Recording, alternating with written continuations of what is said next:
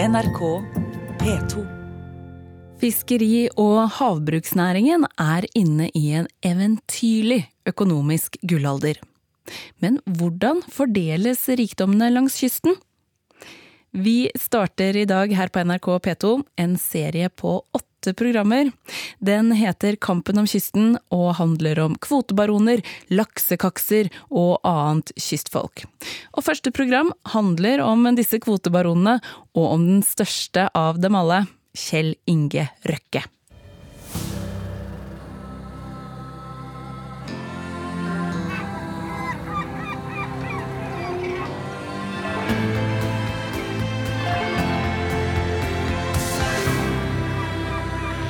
Havet flyter over av penger. Enorme penger. Eksporten av fisk var i fjor på svimlende rekordhøye 91 milliarder kroner. På børsen har laksekakser utbyttefest, og torskefisket er inne i en gullalder. All time high. I fjor kunne Kjell Inge Røkke si ha det til kysten. Han stakk 1,6 milliarder i lomma i rein netto da han solgte seg ut av fiskeriene. Der det er penger, Er det maktkamp? og der det er mye penger. Hardner maktkampen til? Det er det denne serien, Kampen om kysten, skal handle om. En kamp om penger. En kamp om adgang til ressursene. En kamp mellom laksekakser, kvotebaroner og anna kystfolk. En kamp om retten til et godt liv i fiskeværene. Det er så forferdelig eh, forskjell på folket at det, er en skam. Erling Pettersen treffer på kafeen på bakeriet i Mehamn i Finnmark. Ja, ja, han Røkke han må sendes til Sibir og aldri slippe slippe løs med derifra. Ved bordet er også Einar Johansen. Ja, god tur til, ja. Nei da, vi skal ikke sende han så langt. Det skal vi ikke gjøre. Nei, La han bare gå ned i Oslo med lakkskoene på seg. Det passer han bra. Gunnar Grytås, mangeårig fiskerijournalist i Nordlys og Fiskeribladet, og forfatter av boka 'Kvotebaronene'. Den første kvotebaronen var Kjell Inge Røkke, som gjorde at navnet ble tatt i bruk. Han starta jo et spetakulært oppkjøpsreid på Melbu i 1996. Fem trålere der. Det fortsatt i Lofoten, det til Myre i Vesterålen, og til Hammerfest og Findus, og til slutt Westfish-konsernet i Øst-Finnmark. Og da hadde han eh, til slutt 30 trålerkonsesjoner, som gjorde han til eh, Norges største fiskebåtreder, og definitivt en kvotebaron. Petter Ørebekk, professor i fiskerirett ved Norges fiskerihøgskole. Han, han er jo genial. altså Røkke er jo genial. Eh, og, grunnen til at han er genial, er at han tenker annerledes enn andre. Andre som så på disse fartøyene, trollfartøyene, og så på fiskeindustrien og så på marginene, de fant ut at marginene var veldig dårlige. Mens Røkke tenkte annerledes, ikke sant? Han sier at ja, nå-situasjonen, ja, er sånn håpløs. Men jeg går inn og endrer situasjonen, jeg. Sånn at det blir lurt. Så han skal skape det smutthullet som ikke var der da han gikk inn og kjøpte. Det skal han skape. Og så sier han, eller i hvert fall er det skinne igjennom, at det er Arbeiderpartimedlem. og Han får innpass hos Jens Stoltenberg på statsministerens kontor. Så er det godt kameratslige forhold. Og så når han kommer med innspill, så vil det komme eh, endringer i regelverket. Slik at det blir mulig for han å realisere eh, store verdier som han vet de ligger potensielt der. Bjørn Willumsen, tidligere leder av Fagforbundet i Troms. Sett herfra så er det jo spesielt tungt å observere at LO har vært med på denne galeien. Her har han tidligere LO-leder Yngve Hågensen mye å svare for. Fra 97 var han Yngve en døråpner og pådriver for at han Røkke først overtok Melbu, Stamsund og deretter 17 av 20 trålerkvoter på Finnmarkskysten.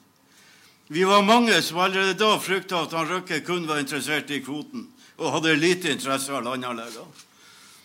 Men han Yngve var knallhard. På sin siste rundreise som LO-leder for snart 15 år siden, så sa han rett ut til oss i representantskapet i LO i Troms, som var samla i møte på Finnsnes hotell, at vi skulle gi oss blanke faen i hva han og han Røkke gjorde i Hammerfest. Yngve Haagensen bekrefter kraftuttrykket på telefon, men vil ikke la seg intervjue om noe som han sier ligger så langt tilbake i tid.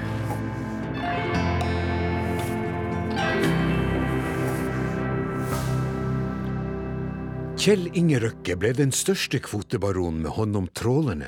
Men også i kystflåten ble det skapt store kvotebaronier etter torskekrisa i 1989-90.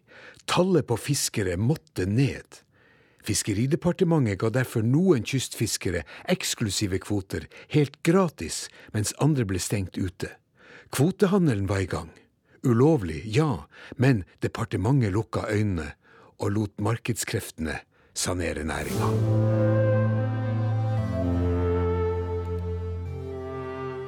Gunnar Grytås. Det valgte en strategi som var helt i samsvar med det som Industridepartementet, Statens eh, nærings- og utviklingsfond, SND, også Fiskeridepartementet støtta opp under. Hva var det som gjorde at uh, norske myndigheter til å, å begynne med satsa på, på, på, Røkke? Big is beautiful. Og, og det, trua på at bare det blir stort nok, så blir det også lønnsomt nok, det, den har dessverre også tidligere vært en, uh, svøpe for norsk fiskerinæring.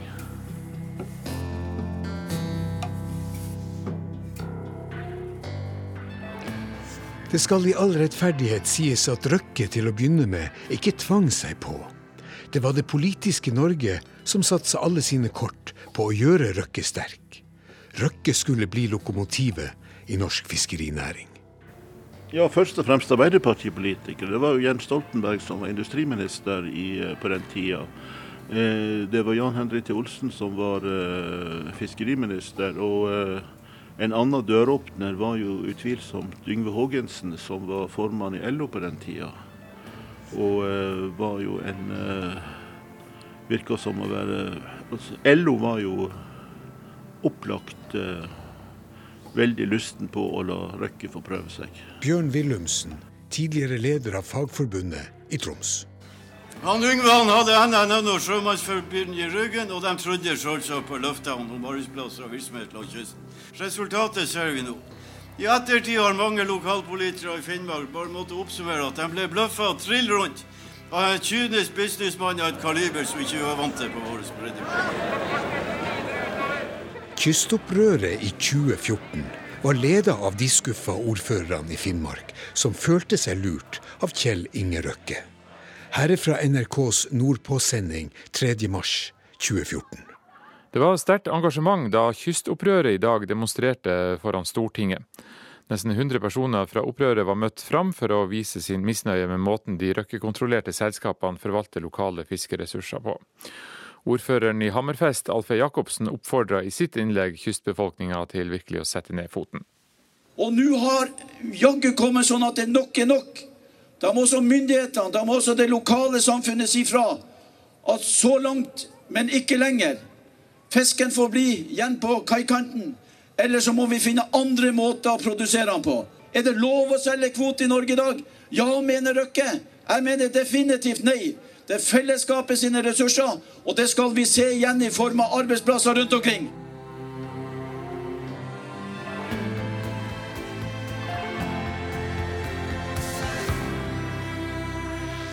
Tre år senere, nå i mai 2017, er jeg på ordførerkontoret til Alf E. Jacobsen på rådhuset i Hammerfest.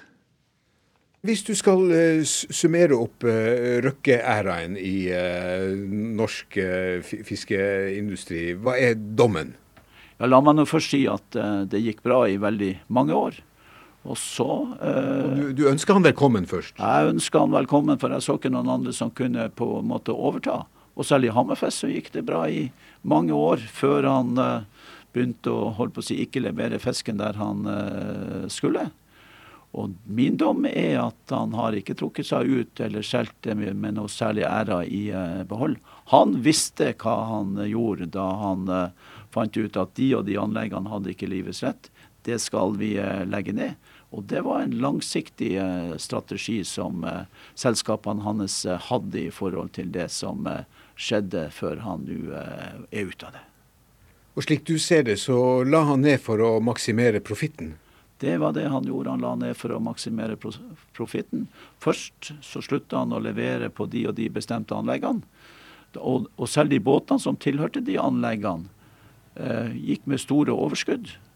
Og det la lite igjen på de enkelte kystsamfunnene. Så det der har vært en eh, bevisst eh, strategi. Kjell Inge Røkke er nå ute av norsk fiskeindustri etter å ha solgt virksomheten til Lerøy-konsernet i 2016 med en fortjeneste på 1,6 milliarder kroner. Også de fagorganiserte i NNN er glad for at han er vekk.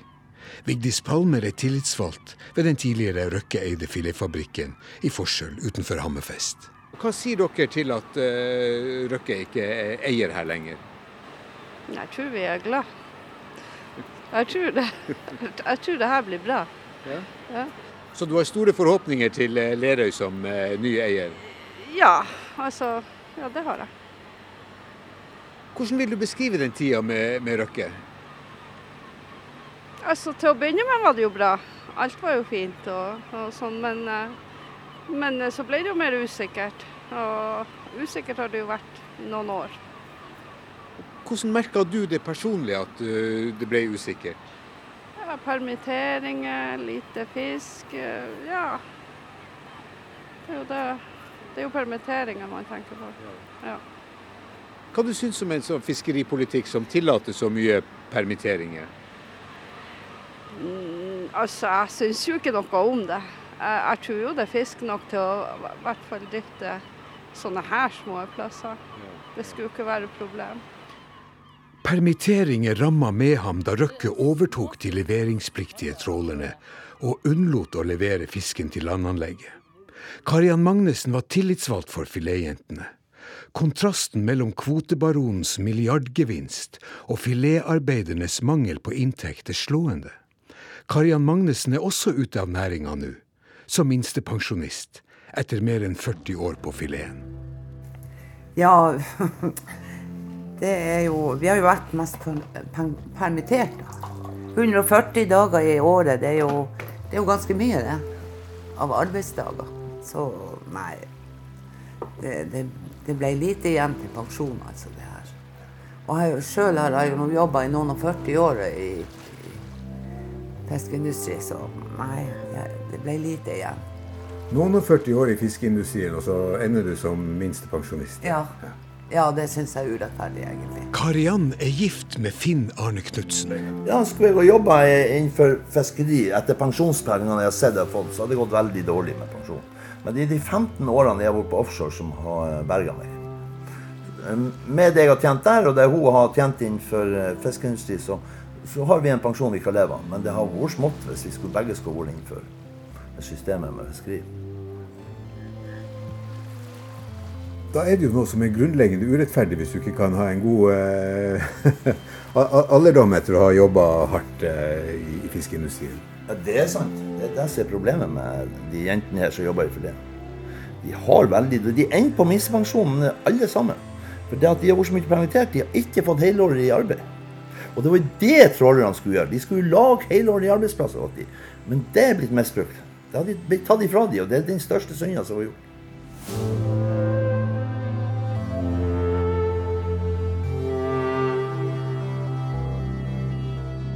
Nils Thorsvik er mangeårig redaktør av Fiskeribladet.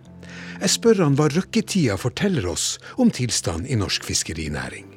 Røkketida er nok et symbol på hvordan eh, fiskeripolitikken har blitt definert av enkeltpersoner mer enn av politiske mål.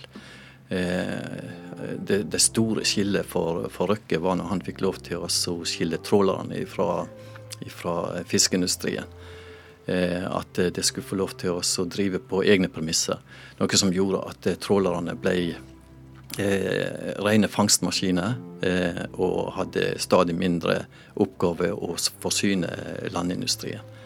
Og, Den utviklingen i trål har vi på en måte sett eh, generelt, men, at en eh, en, et selskap som Røkke, som, der, der, rettighetene i utgangspunktet var gitt for å forsyne en landindustri, skulle få lov til å gå i samme retning som, som eh, trålflåten ellers, det, det mener jeg var et feilgrep. Så du kan forstå befolkninga f.eks. i Mehamn som føler seg forrådt av Røkke? Ja, jeg, jeg, skjønner veldig godt den folkelige eh, sinnet som har vært eh, nå.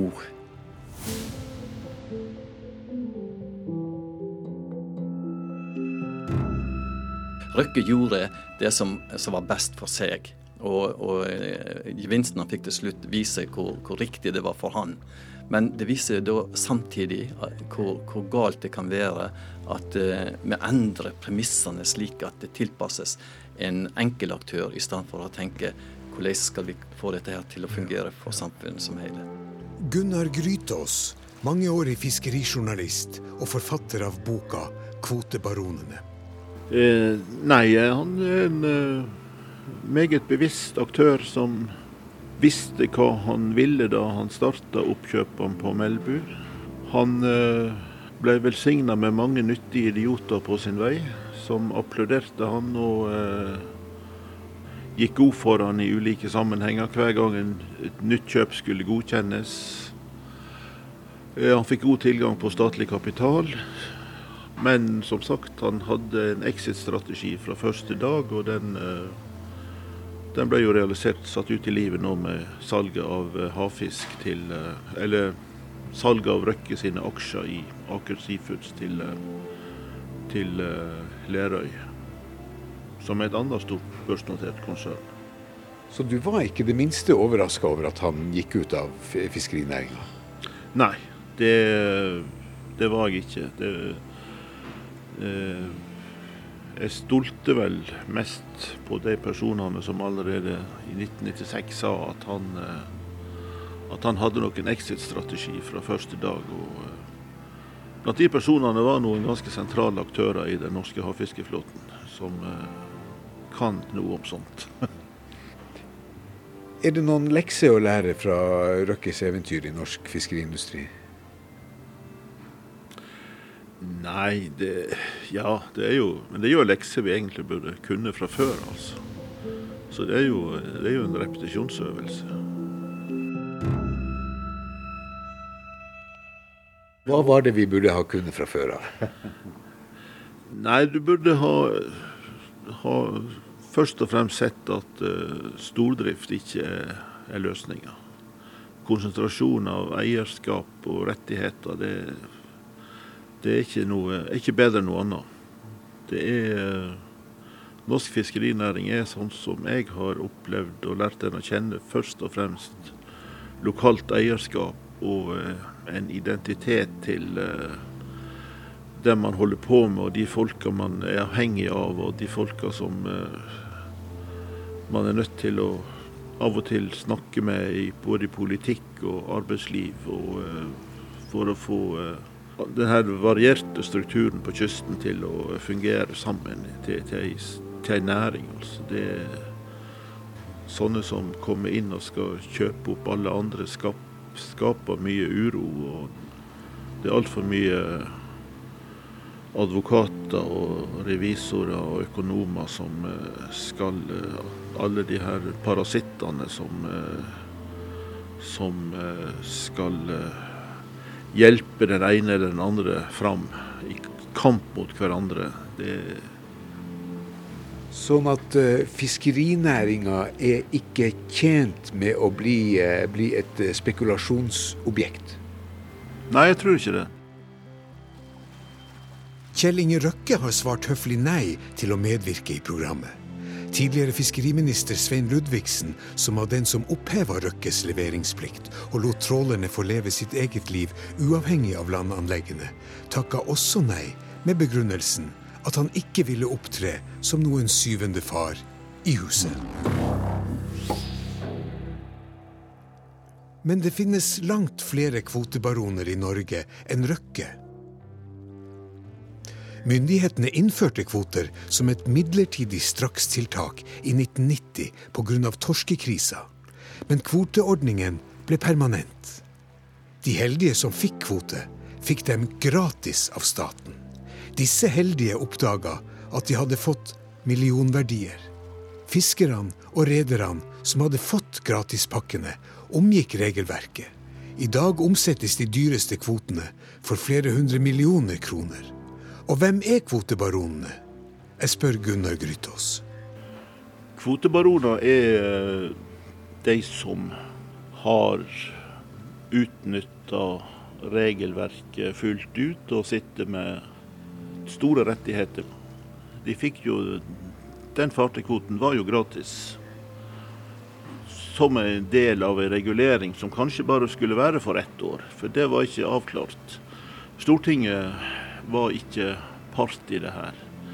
Det, det ble behandla som en vanlig årlig reguleringssak. Det ble sagt at kanskje kan vi gjøre det annerledes neste år, kanskje må vi vente to år. Alt det her var veldig flytende. Så kvotesystemet slik det ble introdusert på, på 90-tallet, det var en foreløpig eh, ordning som ble permanent. Og så ble de kvotene som, eh, som fiskerne eh, eller rederne fikk eh, gratis, de ble plutselig del av et marked. og fikk en prissetting på, på millioner av kroner etter hvert. Ja, det er egentlig korrekt fortolkning av det. det. Det var slik det var. Men er, ikke det urettferdig at staten gir, gir bort fiskerettigheter gratis, og så finner eh, næringa sjøl ut at eh, dette her er noe vi skal eh, handle med? Da er det jo noen som får en masse penger i, i lomma uten, ha, eh, uten egentlig å ha rett til, til dette her. For det, var det er vel ikke deres eiendom? Nei, det er rettferdig og urettferdig, det kan man jo diskutere. Men det er iallfall et så dramatisk grep i den gjengse oppfatninga på kysten at uh, det her er samfunnet sitt, sitt, sitt felles eh, eiendom. At eh, når man først skulle begynne å eh, gi det bort til noen og ta fra andre, så burde iallfall Stortinget vært inne i ei og sagt ja eller nei til det på grunnlag av ei ordentlig eh, forberedt og presentert sak som gjorde det klart hva det egentlig der handla om. For det ble jo først gradvis klart i åra etterpå, og det tok veldig lang tid før mange oppdaga det. Det. At uttrykket kvotebaroner ble etablert, det tror jeg nok har eh, bidratt til en bedre forståelse av hva det her handler om. For det er jo det, det, det Baron, baroni, det bringer jo eh, tankene inn på et adelskap. Altså at noen, noen sitter her med, med privilegier som de har eh, fått. Ja, Et adelskap er jo et privilegium du får fra kongen. Og eh, det må man kunne kalle det her også. Er fra kongen, ikke fra Stortinget. Og det er en ganske viktig forskjell. Og det her er jo Island har jo sine kvotekonger. Danskene har det også. Og eh, det, er, det her er et begrep som er på vei inn i mange fiskerinasjoner. Og det er jo eh, omstridt overalt. Men det er klart det er mange Det er noen klare vinnere her, og det er også mange tapere. Men da dette systemet ble innført, så ble det gjort eh, gjennom forskrifter eh, fra, fra departementet, og ikke gjennom vedtak i Stortinget. Så dette her var ikke gjenstand Altså man, man lagde en svær, i realiteten en svær fiskerireform uten å, uh, uten å gå veien om Stortinget. Ja, det er korrekt. Det var ikke behandla i Stortinget. Og uh, det, det var ikke noe særlig krav fra Stortinget heller om å få, få saker. Det ble tatt opp i spørretimer, og det ble orientert om det i forbindelse med de årlige meldingene som eh, Stortinget fikk om, eh, både om eh, forvaltning av fiskeressursene og eh, eh, fordeling av eh, midler fra fiskeriavtalen. Men eh, det var eh, det var ikke noe særlig vilje til å, fra Stortinget til å få den saka politisk på bordet.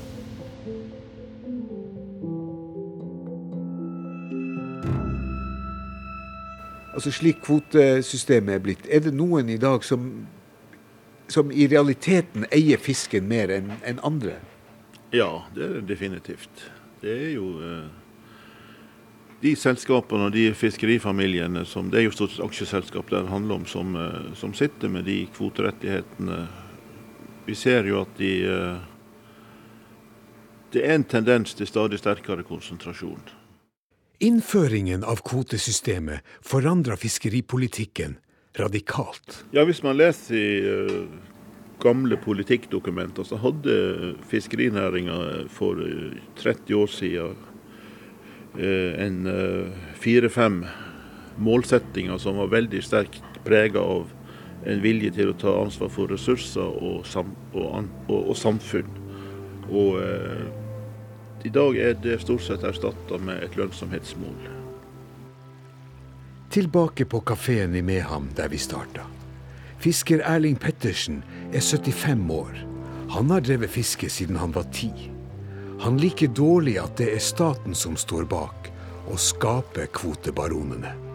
Ja, den, den uh, kvota Her er masse som har fått kvoter, tildelt kvoter.